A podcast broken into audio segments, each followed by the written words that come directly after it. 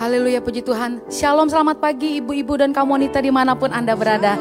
Senang sekali kita bisa berjumpa dalam ibadah wanita Betel Indonesia.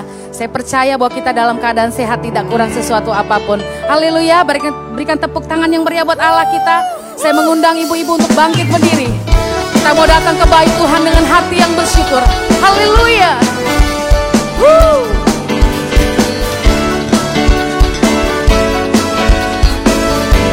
Mari bersama-sama katakan Datanglah ke baitnya Dengan hati bersyukur Ke dalam pelatarannya Dengan hati bersuka rasakan Dan lihatlah betapa baiknya Tuhan Bagi yang berlindung padanya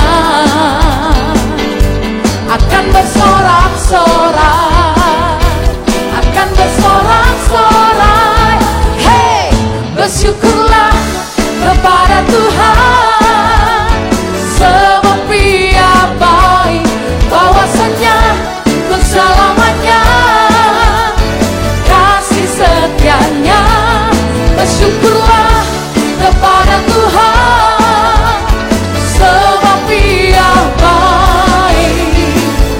bahwasanya untuk selamanya kasih setianya. Kita mau lebih lagi bersyukur amin. Haleluya. Kau baik ya Tuhan. Sungguh baik. Katakan lagi datanglah ke baitnya dengan hati bersyukur. Ke dalam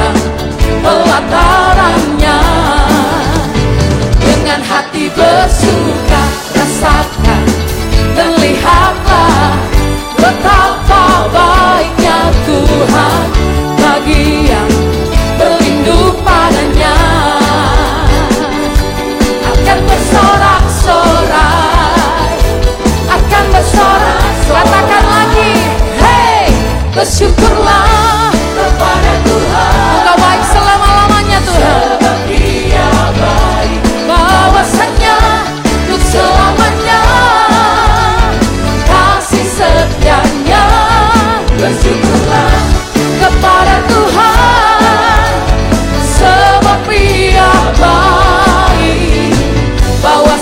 bahwasanya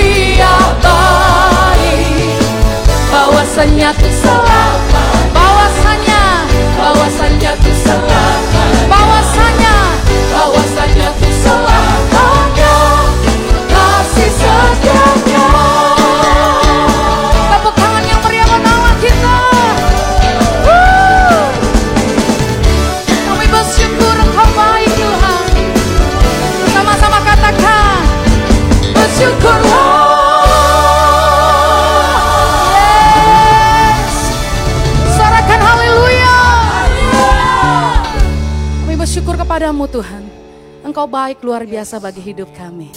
Dalam nama Yesus haleluya. Silakan duduk kembali Ibu-ibu dalam hadirat Tuhan. Di mana pun anda berada Saya percaya anugerah Tuhan Melimpah dalam hidup kita. Kita hidup bukan karena melihat Kita hidup karena percaya. Tidak ada yang mustahil bagi Tuhan Yesus. Terima kasih ya Tuhan. Ini iman kami pagi hari ini ya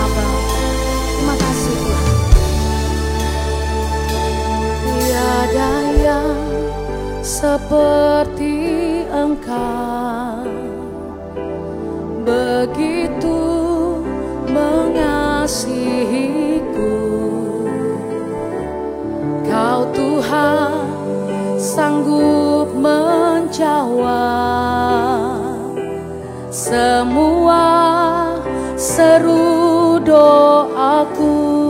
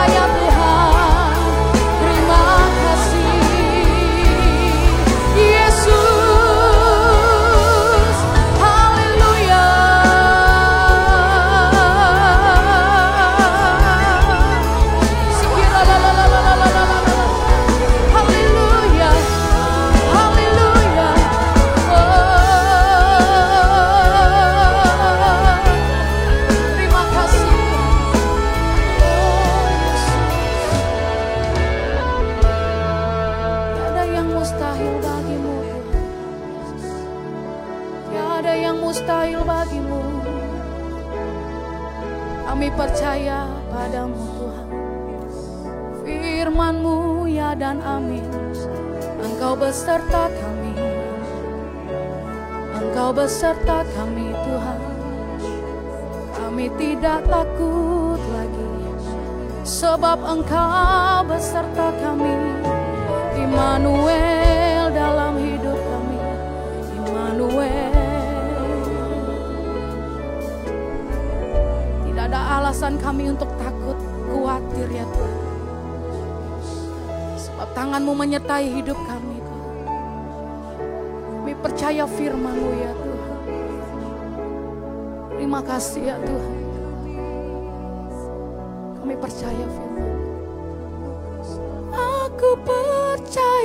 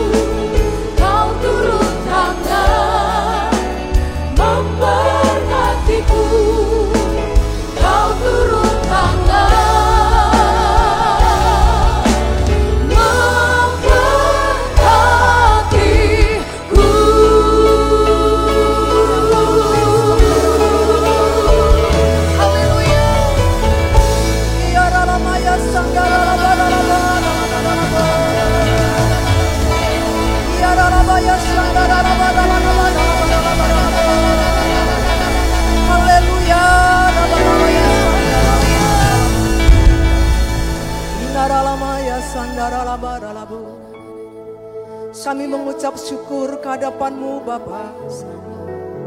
Kasih setiamu nyata dalam hidup kami ya Tuhan. Haleluya.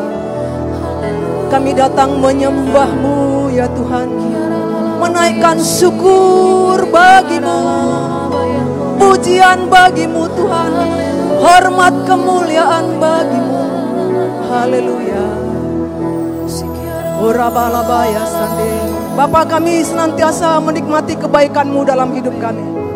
Hari lepas hari engkau bersama dengan kami Tuhan. Kau tidak pernah meninggalkan kami Tuhan. Karena engkau adalah Allah kami Immanuel namamu ya Tuhan. Oleh sebab itu tidak henti-hentinya Bapa. Kami menaikkan sembah kami, pujian kami, syukur kami hanya kepadamu ya Tuhan.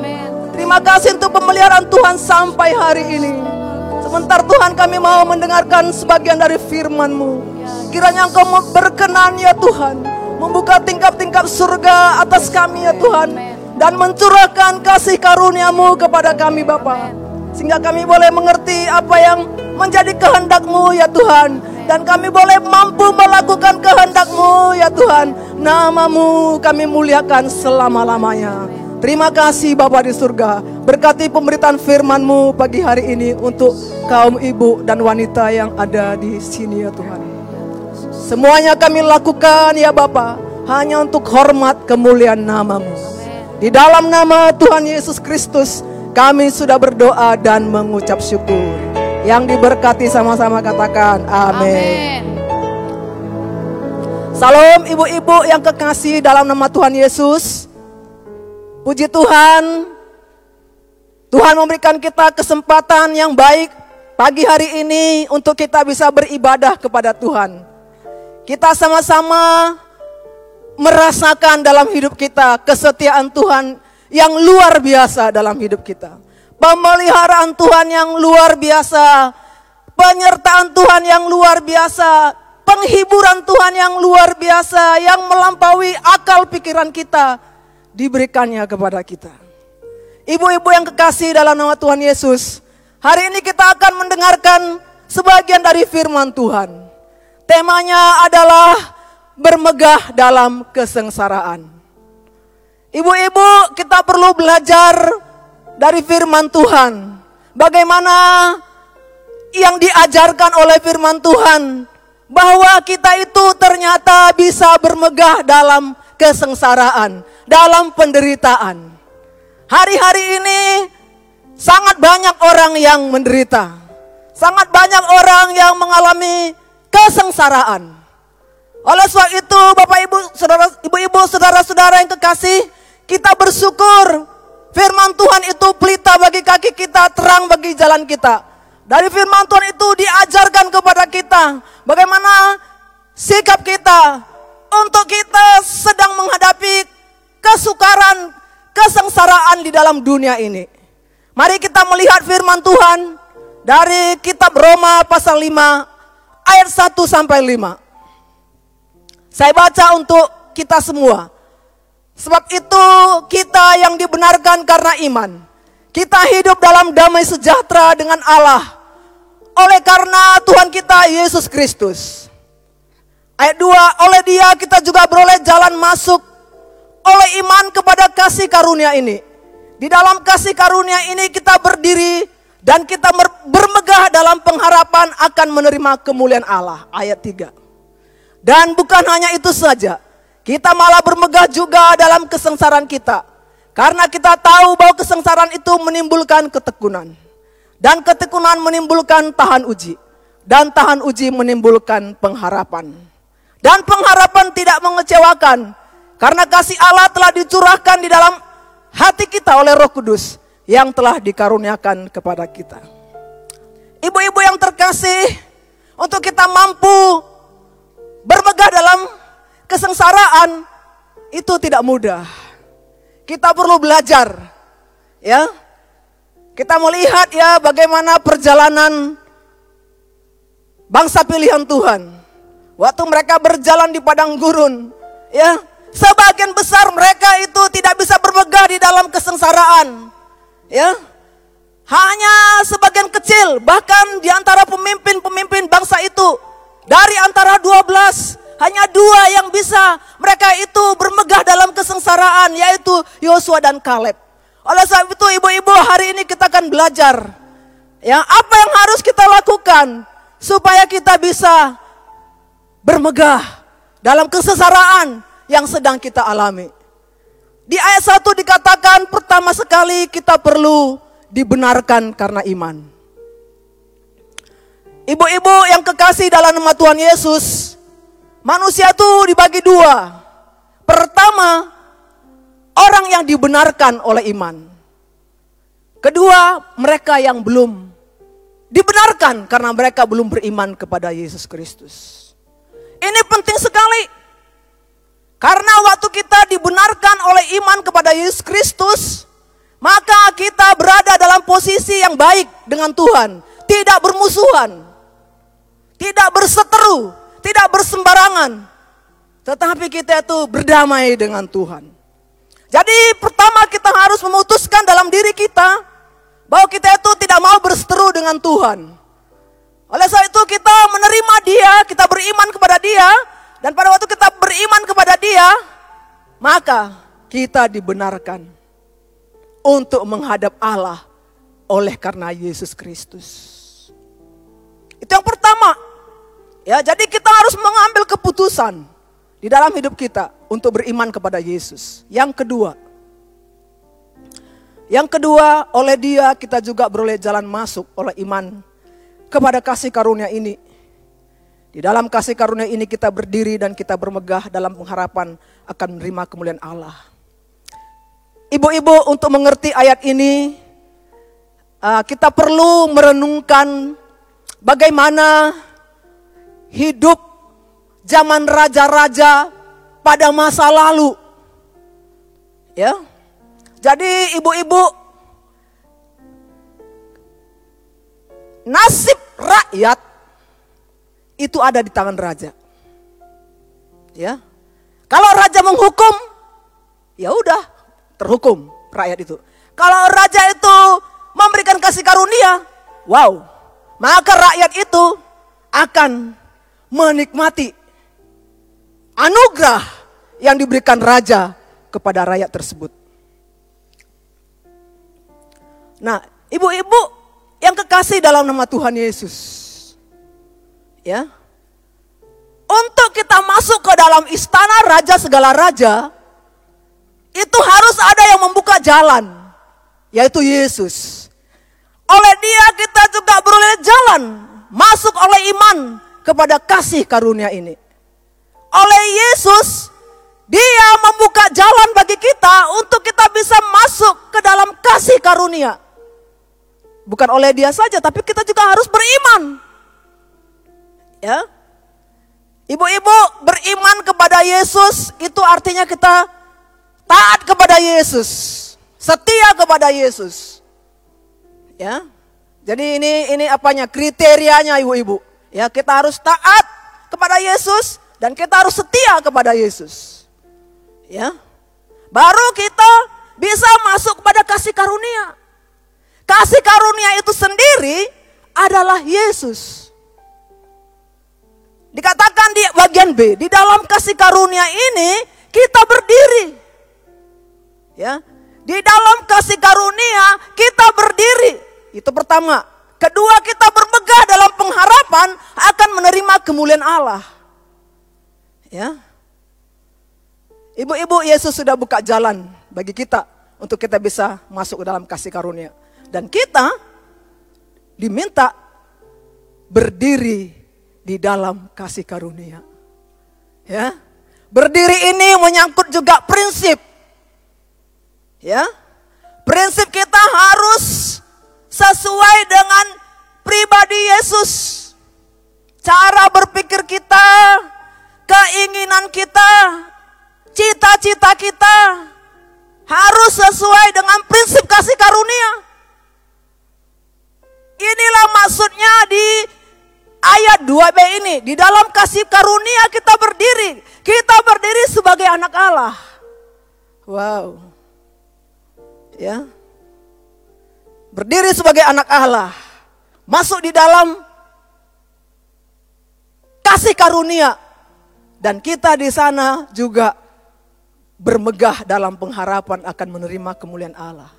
Ya, setelah kita mempunyai prinsip-prinsip sesuai dengan pribadi Yesus, kita itu bermegah. Kita akan menerima kemuliaan Allah. Apa itu kemuliaan Allah? Ya, saya pelajari ya. Kemuliaan Allah itu ada dua. Satu itu untuk dirinya sendiri, keagungannya, keelokannya, keperkasaannya, ya.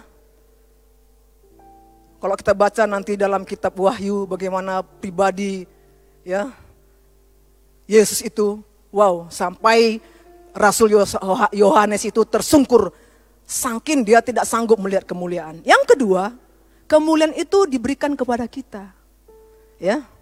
Sebagai apa ya? eh, pancaran ke- kemuliaan Tuhan itu diberikan kepada manusia, kepada anak-anaknya yang sudah berdamai dengan Dia. Ya. Tadi saya renungkan ya, sebagian lah ya tentang kita itu apa ya eh, akan akan mendapatkan kemuliaan yang dari Tuhan ya. Ibu-ibu saya teringat ya. Kemuliaan itu salah satu kemakmuran. Jangan terus pikiran kita tuh makmur itu langsung kita asosiasikan dengan uang, jangan. Ya, saya suka ya eh, kemakmuran yang dikatakan di sini makmur jiwa kita. Ya, pikiran kita tuh makmur. Ya, perasaan kita tuh makmur. Ya. Jadi waktu kita ada di dalam kasih karunia, itu nanti akan diberikan Tuhan kepada kita. Ya, ada kemuliaan, ada kemakmuran yang diberikan Tuhan dalam diri kita. Ya, jadi kita nggak seperti orang-orang biasa, ya, sikit-sikit putus asa, sikit-sikit, sikit-sikit stres, sikit-sikit depresi, tidak seperti itu. Karena Tuhan kasih kita kemakmuran, ya. Jadi ibu-ibu yang kekasih dalam nama Tuhan Yesus, kita menikmati kebaikan Tuhan. Ya, saya percaya ya. Saya yakin 100% ya sangat banyak dari antara kita sudah menikmati kebaikan Tuhan. Ya. Kalau kita mau catat itu aduh berapa banyak ya. Kebaikan-kebaikan Tuhan yang sudah kita terima, ya. Mungkin tidak bisa terhitung, tapi kita tidak boleh melupakan kebaikan Tuhan. Supaya kita tidak tersesat. Amin Ibu-ibu. Nah, ternyata setelah kita menikmati kebaikan Tuhan, kemakmuran dari Tuhan, ya. Di ayat 3 ini dikatakan, ya kita bukan hanya menikmati kebaikan Tuhan, kemakmuran Tuhan, keperkasaan Tuhan, keindahan Tuhan, ya. Dan sebagainya yang yang baik-baik, yang enak-enak, yang indah-indah. Yang ketiga ini dikatakan, nah inilah poin yang berat Bapak Ibu-ibu. Dan bukan hanya itu saja, kita malah bermegah juga dalam kesengsaraan kita. Ya. Apa arti bermegah? Bergembira karena itu. Ya. Mengandalkan. Bahkan klimaksnya gembir uh, bermegah itu memuji dan memuja. Itu makanya dalam kitab Yeremia dikatakan, janganlah orang boleh ditampilkan ya Yeremia 9 ayat 23. Ya. Beginilah firman Tuhan, janganlah orang bijaksana bermegah karena kebijaksanaannya. Janganlah orang kuat bermegah karena kekuatannya. Janganlah orang kaya bermegah karena kekayaannya. 24. Tetapi siapa yang mau bermegah? Baiklah Bermegah karena yang berikut. Bahwa ia memahami dan mengenal Allah. Bahwa akulah Tuhan yang menunjukkan kasih setia. Keadilan dan kebenaran di bumi. Sungguh semuanya itu kusukai. Demikianlah firman Tuhan. Nah ibu-ibu yang kekasih dalam nama Tuhan Yesus kita diajarkan oleh firman Tuhan. Kita jangan bergembira karena kekayaan, karena keperkasaan, karena kebijaksanaan tapi biarlah kita bergembira karena kita mengenal Tuhan. Amin ibu-ibu. Ibu-ibu yang kekasih dalam nama Tuhan Yesus, kenapa dikatakan temanya adalah bermegah dalam kesengsaraan? Ya. Kesengsaraan tidak bisa dipisahkan dari kehidupan orang percaya. Ya, setelah kita menikmati kebaikan-kebaikan yang begitu tidak terhitung, ini uh, apa ya level berikutnya kita juga diajar Tuhan untuk juga boleh menerima kesengsaraan untuk bukti kita beriman kepada Tuhan. Ya. Mari kita lihat di dalam 2 Korintus 12 ayat 7 sampai 10. Ini pengalaman Rasul Paulus. Dan supaya aku jangan meninggikan diri karena penyataan-penyataan yang luar biasa itu. Maka aku diberi suatu duri di dalam dagingku yaitu seorang utusan iblis untuk menggocok aku supaya aku jangan meninggikan diri. Tentang hal itu aku sudah tiga kali berseru kepada Tuhan supaya utusan iblis itu mundur daripadaku. Sembilan. Tetapi jawab Tuhan kepadaku, cukuplah kasih karuniaku bagimu. Sebab justru dalam kelemahanlah kuasaku menjadi sempurna. Sebab itu terlebih suka aku bermegah atas kelemahanku supaya kuasa Kristus turun menaungi aku. Karena itu aku senang dan rela di dalam kelemahan, di dalam siksaan, di dalam kesukaran, di dalam penganiayaan dan kesesakan oleh karena Kristus. Sebab jika aku lemah, maka aku kuat. Ibu-ibu yang kekasih dalam Tuhan Yesus, ya. Kesengsaraan itu diizinkan Tuhan kita alami. Seperti contoh yang baru kita baca dialami oleh Rasul Paulus. Ya, Rasul Paulus menyatakan kepada kita, dia mendapatkan pernyataan yang luar biasa. Ya, yang luar biasa yang sangat istimewa. Ya. Karena pernyataan yang luar biasa itu supaya dia selamat, tidak tinggi hati, Tuhan utus utusan dari iblis menggocok dia seperti duri dalam daging. Dan Paulus itu sudah berdoa supaya Tuhan cabut. Tapi apa jawab Tuhan? Ya, cukuplah kasih karunia aku kepadamu. Inilah pelajaran bagi kita ibu-ibu kalau ada penderitaan yang harus kita alami dalam hidup ini. Ya, bukan karena kesalahan kita, kita nerima. Itu namanya bermegah dalam kesukaran. Kenapa kita menerima? Karena kita tidak sendirian. Ya, Kristus bersama dengan kita. Amin ibu-ibu. Amin ibu-ibu. Kristus bersama dengan kita di saat kita mengalami kesengsaraan. Ini yang harus kita pahami. Ini yang harus kita ingat. Ya. Supaya kita bisa bermegah dalam kesengsaraan. Bermegah itu maksudnya menerima. Bermegah itu maksudnya saya ini turut ambil bagian dalam kehendak Tuhan. Mari kita lihat di dalam Markus 13 ayat 13. Ya. Kamu akan dibenci semua orang oleh karena namaku. Tetapi orang yang bertahan sampai pada kesudahannya akan selamat. Ibu-ibu yang kekasih dalam nama Tuhan Yesus. Pada waktu kita mau bermegah dalam kesengsaraan yang harus kita terima. Karena kita beriman kepada Yesus. Ternyata itu akan menimbulkan ketekunan. Ketekunan itu ketabahan. Ya. Tadi dikatakan di sini, ya, orang yang bertahan, orang yang tabah, orang yang tekun sampai pada kesudahannya akan selamat. Ya, sifat manusia ya secara umum kalau ada penderitaan mau lari dari penderitaan. Ya. Mau cicing, mau melarikan diri entah ke mana nggak tahu. Ya, itu sifat kita. Sifat lama sifat dosa. Ya, begitu ada kesulitan mau lari. Tetapi kita sebagai orang yang sudah menerima kasih karunia jangan lari, bertahan. Ya. Orang yang bertahan sampai pada kesudahannya, ia akan selamat. Ya. Kalau kita tidak bertahan, hidup kita binasa, tidak selamat. Ya. Tetapi ibu-ibu dikatakan kita bertahan, ya. Kesengsaraan menimbulkan ketekunan, ya. Orang yang banyak mengalami kesengsaraan dalam hidup ini, ya. Segi positifnya, segi baiknya. Orang itu jadi tekun. Orang itu jadi sabar. Orang itu jadi tabah Ya, ternyata ya kita lihat dulu apa yang dikatakan dalam Roma 15 ayat 5. Saya suka ini. Semoga Allah yang adalah sumber ketekunan dan penghiburan mengaruniakan kerukunan kepada kamu sesuai dengan kehendak Kristus Yesus. Ternyata Allah itu adalah sumber ketekunan. Sumber ketabahan, sumber kesabaran. Ya, jadi ibu-ibu, saya nggak tahu di mana posisi ibu-ibu, apakah di Medan atau di luar kota Medan. Mungkin ibu-ibu hari-hari ini banyak mengalami kesengsaraan.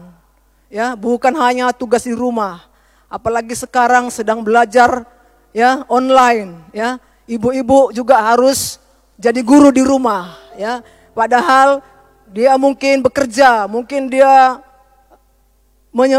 mengatur rumah tangga, mengurus anak. Tambah lagi tugasnya hari-hari ini. Setiap hari guru-gurunya ngasih tugas. Ya. Nah, ibu-ibu jangan marah-marah waktu dikasih penderitaan yang sedang kita alami.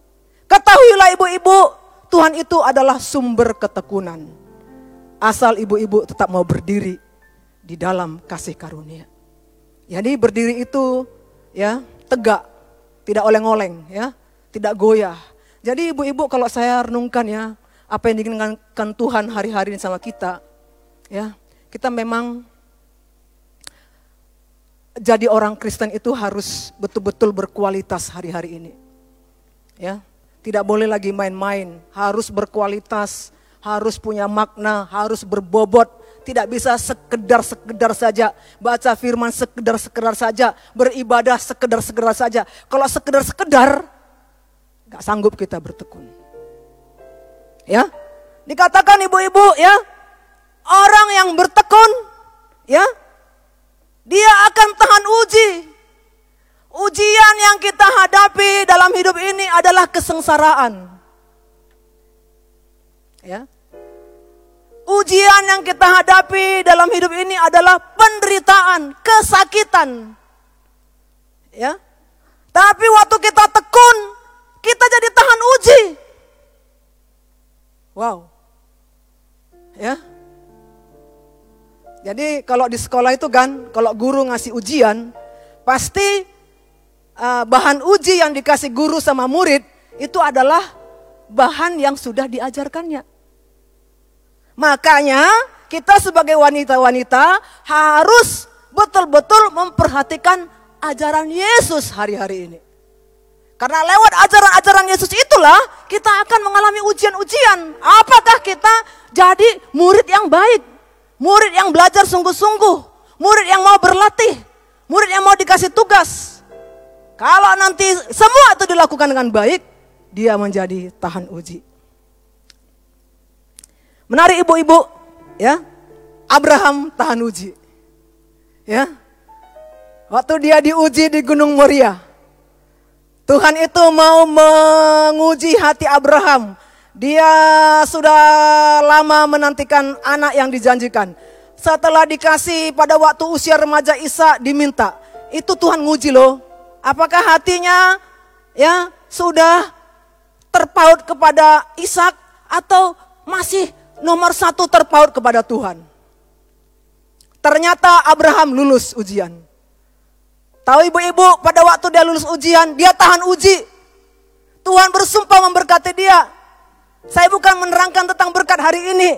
Tapi saya melihat ya orang-orang yang tahan uji itu luar biasa. Mari kita lihat di dalam Roma 4 ayat 18. Sebab sekalipun tidak ada dasar untuk berharap. Namun Abraham berharap juga dan percaya bahwa ia akan menjadi bapak banyak bangsa menurut yang telah difirmankan demikianlah banyaknya nanti keturunanmu. Gak ada dasar berharap, dia berharap. Ya, kalau orang-orang biasa gak ada dasar berharap, putus asa dia.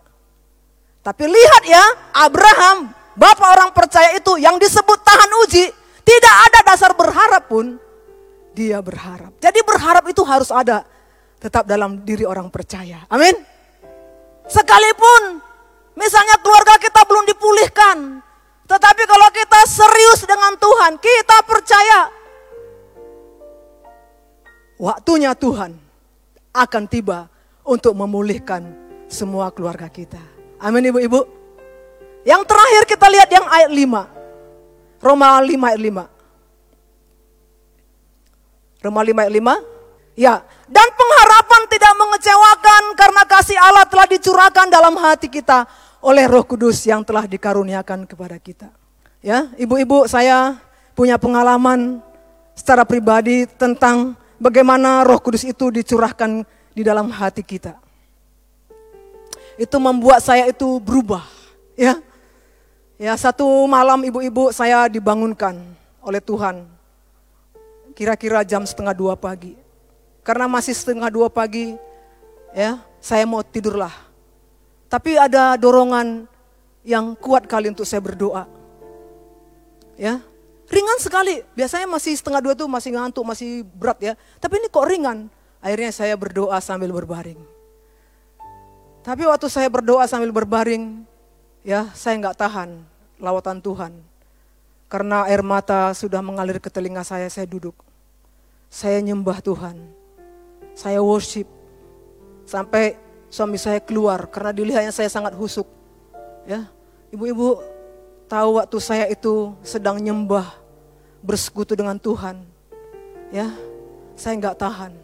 Seperti kalau kita itu mandi di bawah shower kita, disirami, dicurahkan. Udah Tuhan, udah Tuhan. Saya tahu Tuhan, saya hidup bukan untuk melakukan kehendakku, tapi saya hidup untuk lakukan kehendakmu. Sejak itu saya berubah. Ya, Peristiwa itu sangat memberkati saya. Saya sudah apa ya, sudah berjanji bukan ada yang menyuruh. Itu adalah keputusan pribadi, kesadaran karena Roh Kudus itu dicurahkan dalam hati. Aku hidup Tuhan bukan untuk lakukan kehendakmu, kehendakku, tapi aku hidup untuk lakukan kehendakmu. Kalau Roh Kudus dicurahkan dalam hati kita. Semua pengharapan kita tidak ada yang bolong, tidak dipermalukan. tidak dikecewakan. Tapi Tuhan akan genapi. Amin ibu-ibu. Mari kita berdoa. Kita angkat satu pujian. Ya Tuhan tiap jam ku memerlukanmu.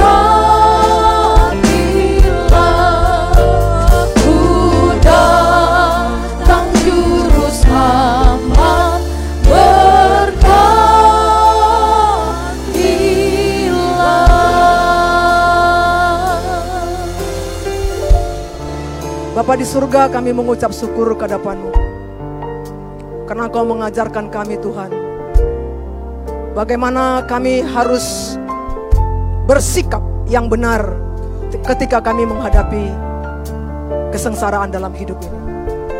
Bahkan kau tidak pernah meninggalkan kami saat-saat kami sedang bergumul dengan penderitaan kami. Karena engkau memberikan keselamatan kepada kami. Engkau sumber ketabahan, sumber ketekunan bagi kami. Dan pengharapan kami kepadamu Tuhan tidak pernah mengecewakan. Nah roh kudus sudah dicurahkan kepada kami. Kami berdoa untuk ibu-ibu semua di mana pun berada. Mohon Tuhan rohmu yang kudus melawat mereka. Membangkitkan mereka yang tertidur ya Tuhan. Menguatkan mereka yang lemah ya Tuhan.